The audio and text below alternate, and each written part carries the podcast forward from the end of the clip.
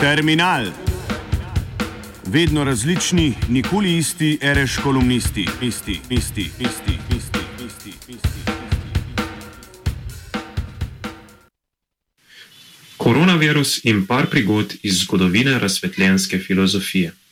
V trenutni situaciji sem izgubil občutek za kakšno bolj natančno in konkretno politično analizo. Dogajanje namreč presega zmožnosti moje teoretske imaginacije. V trenutkih to vrstne zmedenosti, ko ostanemo na eni strani sami s sabo, po drugi pa smo soočeni predvsem z velikim ekranom, preko katerega so servirane uradne informacije in ukazi, ki jim je ne glede na vse rezoniranje dobro verjeti, se mi zdi neprimerno nastopati iz pozicije gotove vednosti, ki si domišlja, da je že mogoče misliti naravo trenutnega družbeno-političnega trenutka.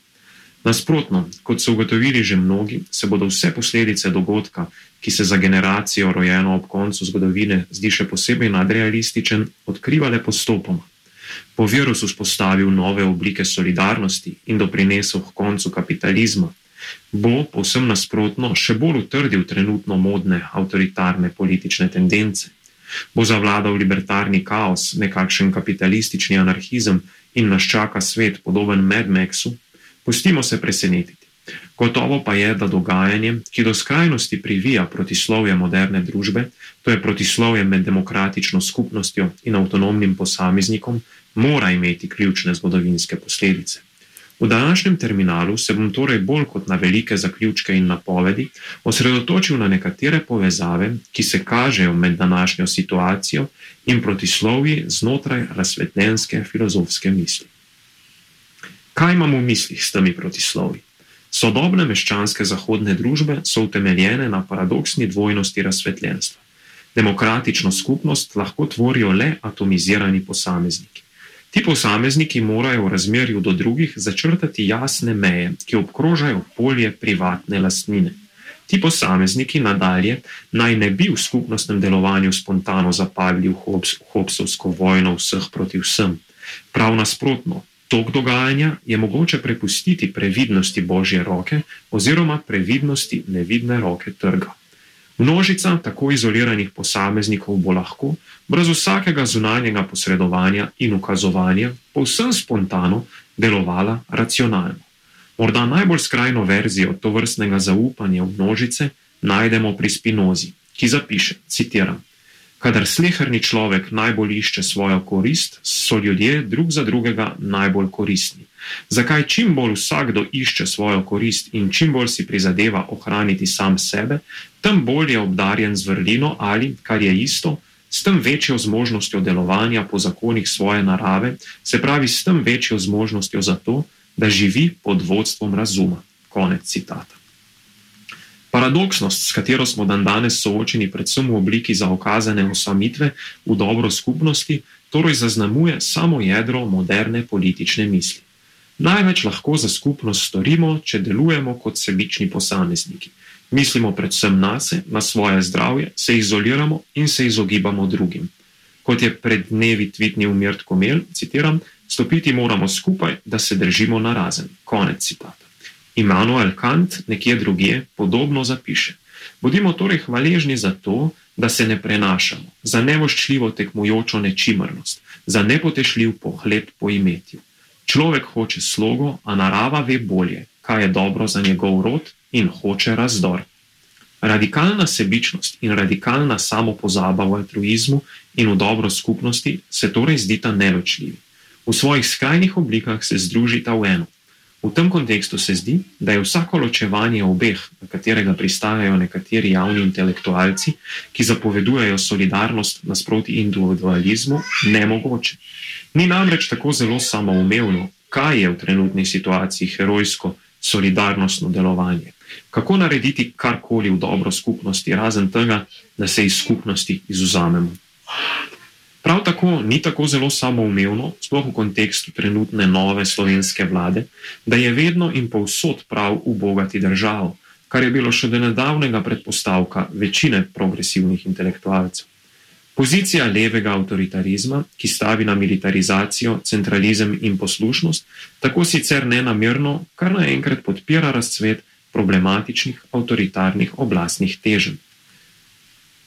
Na drugi strani pa je jasno tudi, da sta absolutni dvom in refleksni uporniški odziv v stilu proticepivskega gibanja v dani situaciji izjemno nekonstruktivna. Občutek zavezanih rok torej ne popusti.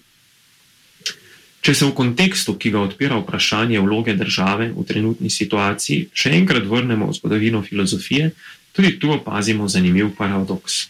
Na vkljub pristajanju na božjo previdnost, ki omogoča, da brez glavo bezlanje sebičnih posameznikov doprinese k vse večjemu napredku in urejenosti skupnosti, se skoraj nihče izmed razsvetljenskih filozofov ni pripravljen povsem odpovedati funkciji vladarja, ki pooseblja vlogo moderne države. Ta torej včasih le mora posredovati na sicer spontano urejenem področju svobodne dejavnosti množice. Eno temeljnih vprašanj se tako glasi: zakaj bi sploh potrebovali oblast, ki je ločena od množi, množice, če bi bilo res v naravi racionalnih množic, da so le te zmožne same sebi vladati? Če nekoliko poenostavimo, zakaj sploh zapovedovati samo izolacijo in distanciranje, če je ta tako ali tako v interesu vsakega razmišljajočega posameznika trenutno? Nujnost funkcije vladarja je v razsvetljenstvu večinoma upravičena na način, da gre zgolj za funkcijo, ki ima pooblastila le za udejanjanje ljudske volje in ne za kakršno koli delovanje, ki bi bilo z njo v nasprotju. Kot zapiše Kant, citiram: Česar pa ljudstvo ne sme sprejeti samo zase, to sme še manj monarh sprejeti za ljudstvo. Kajti njegov zakonodajni ugled temelji prav na tem, da v svoji volji združuje voljo vsega ljudstva. Konec citata. Popolni vladar, skratka, sledeč kantu, ne počne nič drugega razen tega, kar hoče ljudstvo. To, da pozor, sledi zanimiv obrat. Kant nadaljuje, da popolni vladar, tisti, ki, sam, ki je sam razsvetljen in se ne boji senc, kot pravi, nujno potrebuje, citiram, številno in zelo disciplinirano vojsko za poroka javnega miru. Konec citata. Kakšna točno je vloga te vojske in zakaj je ta potrebna? Očitno volja ljudstva le ni tako enoglasna in samoumevna zadeva. Filozofi preteklosti so se pogosto krat identificirali s to vrstno pozicijo racionalne države, kar je mogoče enostavno empirično razložiti. Dvorni filozof, utelešenje razsvetljenja, ki razume voljo množic bolje od njih samih, še peta na ušesa racionalnemu vladarju, kako naj ta uveljavlja voljo ljudstva. Toda smo danes še lahko tako prepričani v predpostavko o racionalnosti države? Ali ni sama ta vera tista, ki priborjene liberalne svoboščine na pladnju prinaša k sodobnim avtoritarnim oblastem, ki ne skrivajo, da demokracija ni več nujna sestavina kapitalistične ureditve? Ali nista kritični filozof in oblast danes vsak na svoji strani? Vprašanje, s katerim danes zaključujem, pa je, kako pozicionirati kritično misel na način, da leta ne bo naivno verjela v racionalnost vzpostavljenih oblasti na eni strani, ali vse stavila na nereflektiran upor in ljudsko nepokorščino na drugi strani. Terminal sem pripravil, jer ne je kalužen.